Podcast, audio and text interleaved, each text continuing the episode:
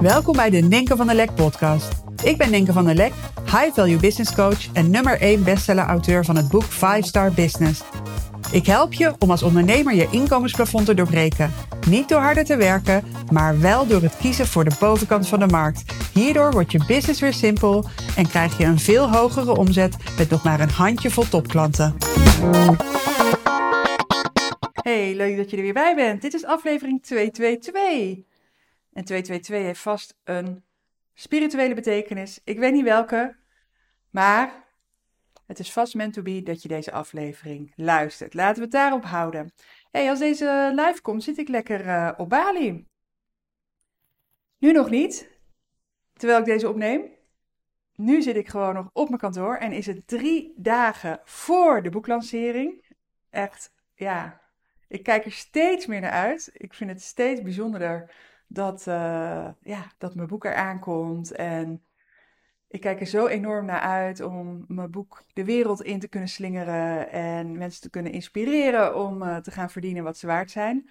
Dus um, als je deze hoort en mijn boek wil bestellen, dat kan op 5starbusiness.nl. Uh, daar kun je mijn boek kopen. Um, je kunt ook nog hele mooie uh, extra dingen toevoegen aan je winkelmandje. Ik heb hele mooie dingen gecreëerd om ehm, ja, je nog beter te kunnen helpen naast het boek. met bijvoorbeeld het verhogen van je prijzen. Of bijvoorbeeld het vinden van een premium niche. Of om um, je business um, te uplevelen. Dus dat ga je vanzelf ontdekken als je mijn boek koopt. Um, heel erg leuk, heel erg leuk om van je terug te horen wat je van mijn boek vindt. Dus ja, laat het vooral ook weten. Bijvoorbeeld door uh, een review te schrijven op managementboek.nl als je je boek hebt besteld. Uh, je kunt het boek dus op mijn website bestellen, maar ook daar op managementboek.nl. Um, je kunt me ook een DM'tje sturen, gewoon op Instagram. Ik vind het super tof om ja, van je te horen welk deel van het boek het meest resoneerde bij je, wat je eruit hebt gehaald, welke kwartjes er zijn gevallen en wat je ermee gaat doen, wat je plannen zijn. Alright, maar um, ja, deze podcast uh, die uh, komt uh, halverwege juni uit. En ik zit lekker op Bali. Maar ik had ook heel makkelijk niet naar Bali kunnen gaan. Dit heeft alles te maken met concessies doen. Ik was geneigd om concessies te doen. En uiteindelijk heb ik andere concessies gedaan, waardoor ik op Bali zit. Klinkt een beetje vaag, maar het uh, wordt straks vanzelf duidelijk voor je. Um, ik neem je eventjes mee naar uh, ja, waarom ik eigenlijk naar Bali ben vertrokken. Mijn oudste zoon Thomas, daar heb ik al vaker heel trots over zitten zijn in mijn podcast. Ik heb er ook zelfs wel eens een aflevering over opgenomen. Um, die heet volgens mij uh, Moeder zijn van een ondernemend kind. Maar mijn Thomas ja, is echt zo'n manneke, zo'n geboren ondernemer. Ben ik zelf helemaal niet, hè? Ik ben van huis uit echt die mega socio, totaal niet commercieel. En uh, ja, ik, heb, ik ben echt een autodidact. Ik heb echt alles mezelf aangeleerd en mezelf laten coachen. Maar bij Thomas zat het er gewoon al in. Dus die waren we, als we dan bijvoorbeeld op vakantie waren en op een marktje waren, dan, dan waren we die kwijt. En dan stond hij achterin zo'n marktkraam waar ze dan voetbalshirtjes verkochten. Stond hij te onderhandelen als klein ventje en kocht die shirtjes in om dat vervolgens voor een hoge prijs door te verkopen uit zijn vriendjes in Nederland. Weet je, die categorie is echt een hele andere categorie dan waar ik in zit. Dus ik kijk met bewondering naar zijn stappen. Um, hij startte zijn business al in, um, tijdens de HAVO. Uh, de HAVO moest hij van ons afmaken. Dat heeft hij wel gedaan. Maar als het hem had gelegen, was hij gewoon al veel eerder 100% eh, voor het ondernemerschap gegaan. Maar ja, toen hij de HAVO eenmaal af had, toen kon hij, uh, ja, kon hij gewoon al in zijn eigen levensonderhoud voorzien. Weet je, zijn business draaide goed. Um, hij investeert ook heel veel in um, coaching en kennis en is altijd aan het leren, zich altijd aan het ontwikkelen. Is echt waanzinnig inspirerend om dat te zien van een afstandje. Waarom? Ehm, niet alleen maar omdat hij de wereld rondreist en de laptop lifestyle leeft. Dat is natuurlijk super inspirerend. Maar wat helemaal inspirerend is, vind ik zelf. Hij zit het grootste deel van het jaar, hij is nu 19, eh, zit hij in Barcelona, Dubai en Bali. En wat er dan bijvoorbeeld gebeurt in de tussentijd, is dat hij heel, zich heel erg bewust is van het belang van familie. En zich heel erg bewust is van het belang van tijd. En dat de tijd die hij heeft met familie, dat hij daar, ja, daar wil hij gewoon heel bewust mee omgaan. En dat betekent dat hij met de opa's en oma's allemaal contact houdt. Hij, hij belt regelmatig. Hij is geïnteresseerd uh, met zijn oom, zijn broertjes. Hij connect veel met ons. Hij is super happy daar in het buitenland. Maar hij is heel bewust bezig met het investeren in de mensen die het allerbelangrijkst voor hem zijn. En dat is echt een bijzonder proces. Dus hij zat al een hele tijd in het buitenland. En dan ja, is hij aan het facetimen met zijn broertjes die nu 12 en 14 zijn. En dan zegt hij, mam, ze worden snel groot. En ja, die van 12 die heeft ineens baard in de keel en krijgt een beetje zo'n vlassig snorretje. Het gaat echt inderdaad heel hard. En hij weet het van zichzelf, weet je. Dus het is nog maar kort geleden dat hij zelf bijvoorbeeld 14 was. Dus hij zei, ik kom naar huis. Ik wil iets met mijn broertjes gaan doen. Ik wil gewoon lekker met ze op stap. En uh, ja, dan kan ik ook naar jouw boeklancering komen. Dan ga ik daarna weer terug naar Bali. Dus ja, wat die jongens uiteindelijk hebben gedaan, is toen Thomas nog in Bali zat, hebben ze online een soort rad van fortuin gedaan. hebben ze allemaal uh, steden, Europese steden ingevuld. En uh, waaronder ook uh, suffe steden en dorpen in Nederland. Om een beetje de spanning op te voeren. En hebben ze online zo'n rad van fortuin laten draaien. En nou, zo kwam het dat ze naar Bali gingen. Nee, zo kwam het dat ze naar Barcelona gingen. Met z'n drieën. Zonder ouders erbij. 12, 14 en 19. En dus het was eigenlijk een soort mededeling in eerste instantie van, nou, ik kom terug naar Nederland en wij gaan met z'n drieën naar Barcelona. Dus ik moest even slikken en tegelijkertijd dacht ik, man, hier kun je alleen maar uh, ja, met vertrouwen uh, ja tegen zeggen. En hoe mooi is het dat die oudste, die zo steeds bewuster in het leven staat, zo bewust zich is van wat belangrijk voor hem is en ja, je ziet echt dat hij dat niet alleen maar vindt, maar ook belangrijk maakt en dat hij daar stappen in zet. Ja, dan kun je niet anders dan gewoon dat toejuichen en aanmoedigen. Dus die drie die zijn lekker uh, naar Barcelona geweest een paar dagen. En wat ontzettend goed is gegaan. En dan als moeder zijn, dan maakt je hart echt een sprongetje als je dan van die foto's uh, geappt krijgt. En dan zitten ze daar op een bankje voor de Sagrada Familia. Gewoon met een papieren zakje met een stokbroodje erin, lekker te, te eten. En dan denk je echt van, ja, dit is gewoon wat je wil zien dan, hè? Snap je? Dus het is gewoon een heel liefdevol beeld. Um, alle horror scenario's die dan door je hoofd gaan van wat gaat er gebeuren als drie van die gastjes alleen op stap zijn. Het is gewoon, het was zo lief, het was zo, ze zijn zo connected met elkaar geraakt, nog meer. merk je heel erg sinds ze terug zijn. Maar afgelopen maanden uh, heeft Thomas zo vaak gezegd: Mam, uh, kom je naar Bali? Kom je naar Bali? Je zou het echt geweldig vinden op Bali. Kom je naar Bali?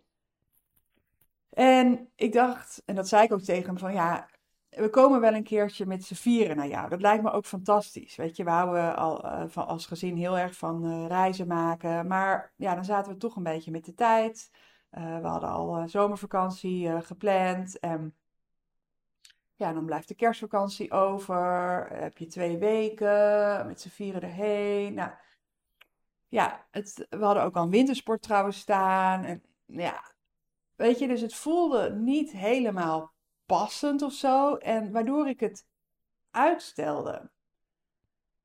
En ja, op een gegeven moment zei hij weer: Mam, kom je nou echt kom je een keertje naar Bali? Kom je nou een keertje naar Bali? En ineens alsof ik echt ineens me realiseerde wat hij eigenlijk vroeg. Het idee ook dat je zoon vraagt: Mam, kom naar mij toe. Ik wil graag mijn leven aan jou laten zien. Ik verheug me erop dat jij hier bent. Ehm, en ineens dacht ik van, wat is nou belangrijk voor mij in mijn leven? Weet je, dit is een van de belangrijkste dingen voor mij in mijn leven. Ik heb beperkt tijd, net zoals jij. En ik wil ook iemand zijn die heel zorgvuldig omgaat met haar tijd. De tijd die ik heb is mijn leven. ik heb niet meer leven dan mijn tijd. Dus het is zo ontzettend makkelijk om je tijd uit te geven aan dingen die niet zo belangrijk zijn. Weet je, met alle respect, maar deze podcast, ja, die staat natuurlijk niet in verhouding met, met mijn zoon op Bali zitten bijvoorbeeld, hè. En podcast is wel belangrijk, structureel podcasten, consistent podcasten is belangrijk voor de groei van mijn business. Dat is ook de reden waarom ik het doe. Maar als je de dingen naast elkaar gaat zetten, dan, ja, dan is het totaal uit verhouding. Dus ik dacht van ja, we hebben de vakantie staan. Wanneer zou ik dan gaan? Ik heb mijn boeklancering. En ja, na de boeklancering dan word ik vast veel gevraagd voor interviews. En moet ik webinars gaan geven. En ja, ik had allemaal plannen en ideeën van na de boeklancering gaat het pas beginnen. Want ja, natuurlijk, je wil dat het boek goed verkocht gaat worden. En dat kan je boosten. Dan kan je van alles ehm, ja, je kan van alles uh, doen strategisch om die uh, boekverkoop omhoog te brengen en ja, je gezicht overal te laten zien. En... Maar ineens had ik gelukkig gewoon het heldere besef van wat is nou belangrijk in mijn leven. En dus ik wil gewoon naar Thomas toe. Ik wil gewoon naar Bali toe. Ik wil gewoon die quality time met hem.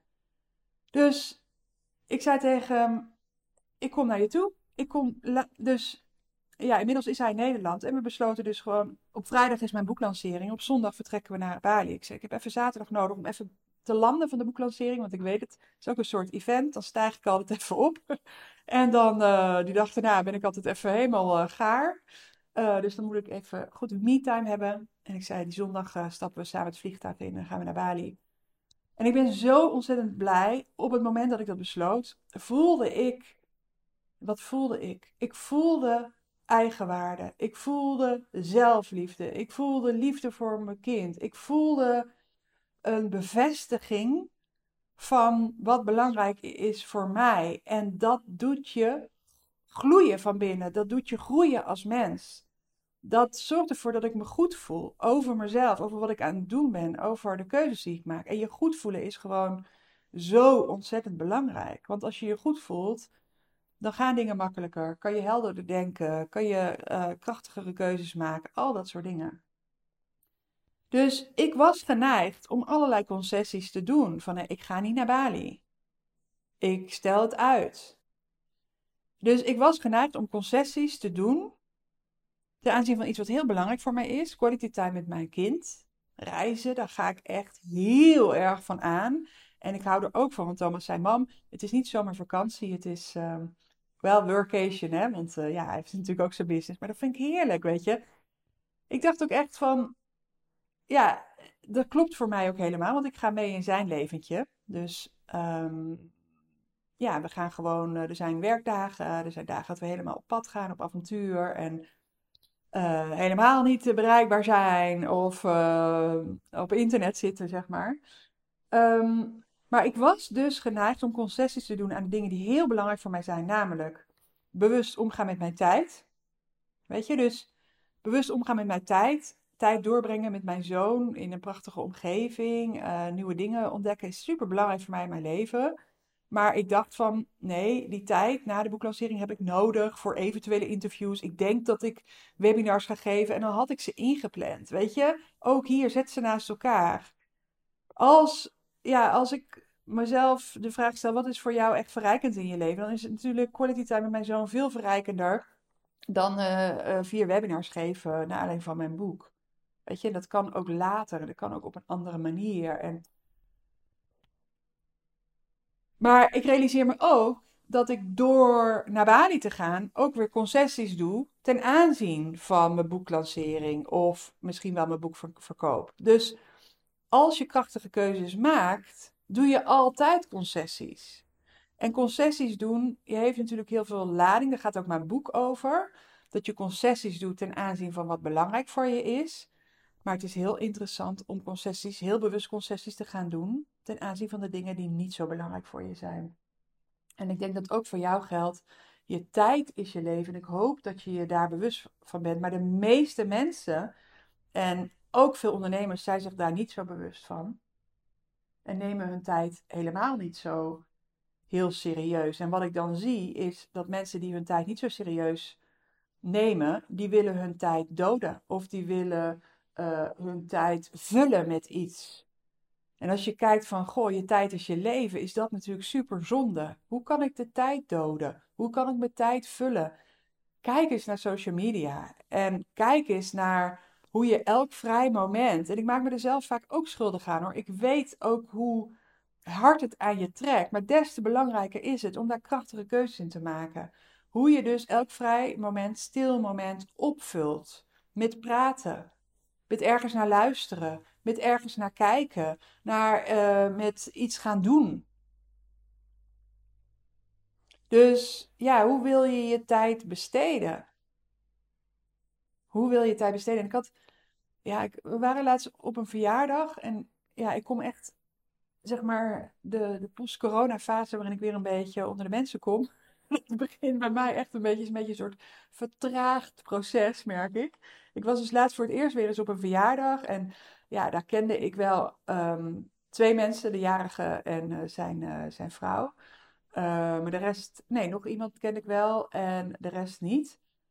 Um, ja, ik vond het heel fascinerend, omdat ik gewoon weer voor het eerst in zo'n omgeving was. Was op zich echt ontzettend leuk. Merkte ik van, oh wat heerlijk is het om weer even eruit te zijn. En even weer in een andere omgeving en nieuwe mensen. Super leuk. Maar wat ik merkte, dat was echt heel bijzonder, is... Ja, ik ben zelf iemand die heel bewust omgaat met uh, gezondheid. Weet je, ik heb... Uh, ja, ik heb er laatst ook een podcast over opgenomen. Twee podcasts terug, 22.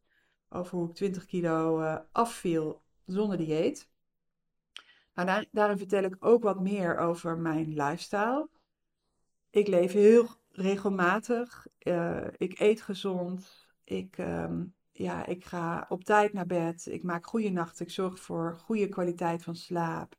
Uh, ik beweeg veel. Ik ben veel buiten. Al dat soort dingen doe ik super bewust. Heb ik allemaal niet, ben ik niet mee geboren, zeg maar. Nou, ik denk misschien wel mee geboren met die zin daarin. Maar uiteindelijk uh, ja, worden we heel erg beïnvloed door van alles wat op ons pad komt. En um, doen we ook concessies aan wat goed voor ons is. Ik bedoel, kijk naar een baby. Ik bedoel, als je zelf wel eens een baby de borst hebt gegeven of een baby de fles hebt gegeven. Als een baby genoeg heeft, dan draait hij zijn gezicht weg. Die gaat niet meer eten dan wat dat lijf nodig heeft. Maar dat laat al zien hoe we concessies, hoe hoe we concessies zijn gaan doen aan wat belangrijk is voor ons en wat goed is voor ons. Maar ik kwam er dus bij die verjaardag en wat zo bizar was. Nou, we waren eerst gewoon lekker aan het kletsen. We waren uh, eten, er was een barbecue. Er waren mensen die rookten. Ik heb vroeger ook gerookt. Maar het is voor mij echt ondenkbaar dat ik nog zou roken. Is echt zo. Ja, dat ik zou roken. Weet je, dat je bij elk trekje, elke hijs. Ik kom uit Brabant, elke hijs is eigenlijk een beetje zo, I hate my body. I hate my body. Weet je, is echt zo obvious slecht voor je. Um, maar goed, er zijn natuurlijk nog mensen die roken. Maar op dat feestje, na het eten, werd er gerookt. En steeds meer mensen gingen roken. En wat er ineens gebeurde, is dat ik en Floris met één ander iemand die ook niet rookte. Wij zetten gewoon binnen aan tafel te kletsen. En alle rokers, die stonden bij elkaar buiten, wat ik op zich snap. Maar er was ook heel veel drank, dus dat roken en drinken ging gewoon lekker in vlot tempo uh, door. Wat ik allemaal begrijp, en bin there, done that. Maar ik, ik zag het nu met een afstand, vooral ook de, nog de post-corona afstand, zeg maar. Maar ik zag ineens ook wat omgeving met je doet. Dus dat mensen met, ja, die roken en drinken naar elkaar toetrekken en elkaar daar houden. Nu wil ik niet deze individuen uh, veroordelen, maar het was zo ontzettend duidelijk wat de kracht van omgeving is. En daarin doen mensen ook heel veel concessies.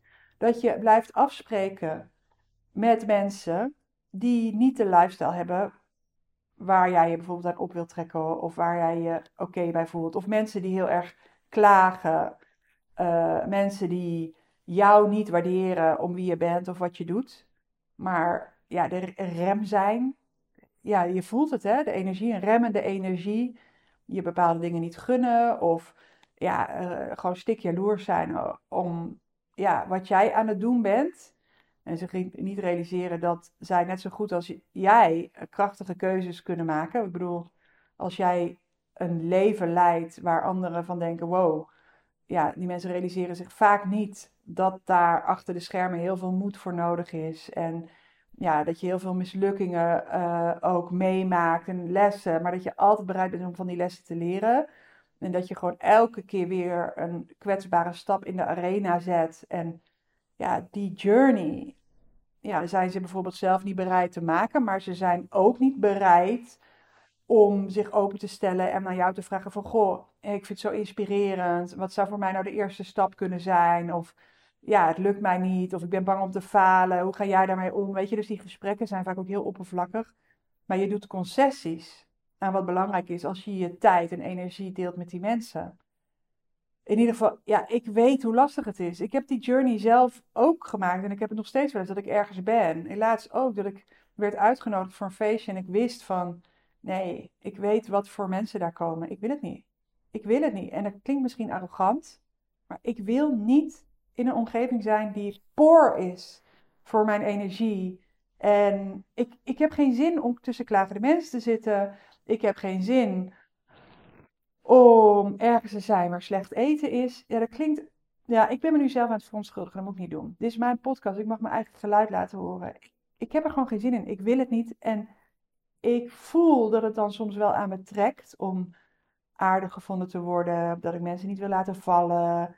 Eh, maar ik mag ook gewoon zeggen: nee, ik kom niet. Nee, ik voel me niet op een plek. Ik heb ook een keer tegen een vriendin gezegd van. Er was een andere uh, verjaardag. En uh, ja, dat doe ik trouwens wel regelmatig. Soms vind ik het ook too much bijvoorbeeld. Om naar een party te gaan met heel veel mensen. Of ja, ben ik in de fase dat ik het even niet voel of zo. En steeds vaker zeg ik van, ik vind het super leuk dat je me hebt uitgenodigd. En ik heb ook heel erg zin om met jou weer even te connecten. Maar laten we dan samen een weekendje weggaan. Of laten we eh, samen, ik, ik ga je tracteren voor je verjaardag, gaan samen uit eten. En maak een leuke avond van. Weet je, daarin staan voor je eigen behoeften.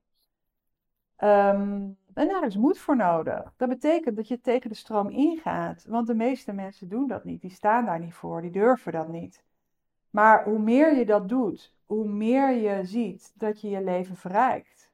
Want het is jouw leven en je kunt je tijd maar één keer uitgeven. Dus ja, je doet concessies ten aanzien van uh, wat er van je verwacht wordt. Of ja, dat je ook een soort um, traditie bijvoorbeeld doorbreekt. Hè? Mensen zijn gewoon gewend dat je komt. Of gewend dat je uh, wijn meedrinkt. En ik had het laatst ook. Toen was ik nou, ik ben trouwens toch wel de laatste tijd wel nog naar sociale dingen geweest.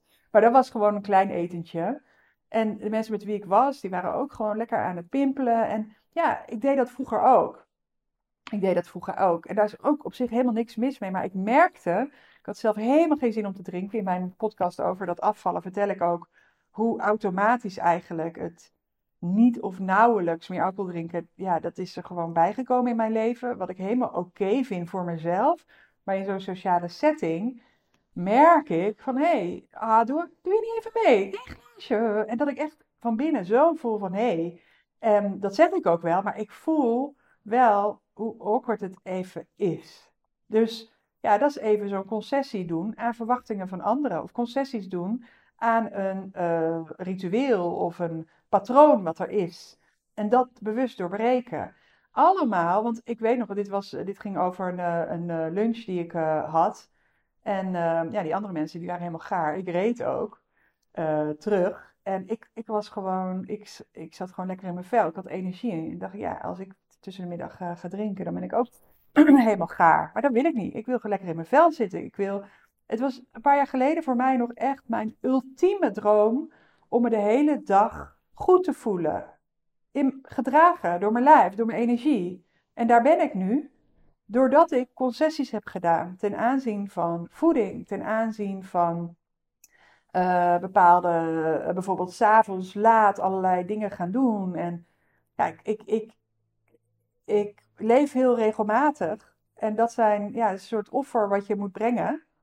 Maar het voelt vaak, en dat is bizar, want het voelt als ik dit zo hardop zeg, het voelt voor mezelf helemaal niet eens een offer. Maar het is meer dat ik dan een offer breng als het gaat om het sociale aspect, dat ik niet meer meedoe met een bepaald gedrag wat anderen wel hebben en wat anderen van mij gewend zijn. Maar voor mij persoonlijk voelt het helemaal geen als, niet als een offer.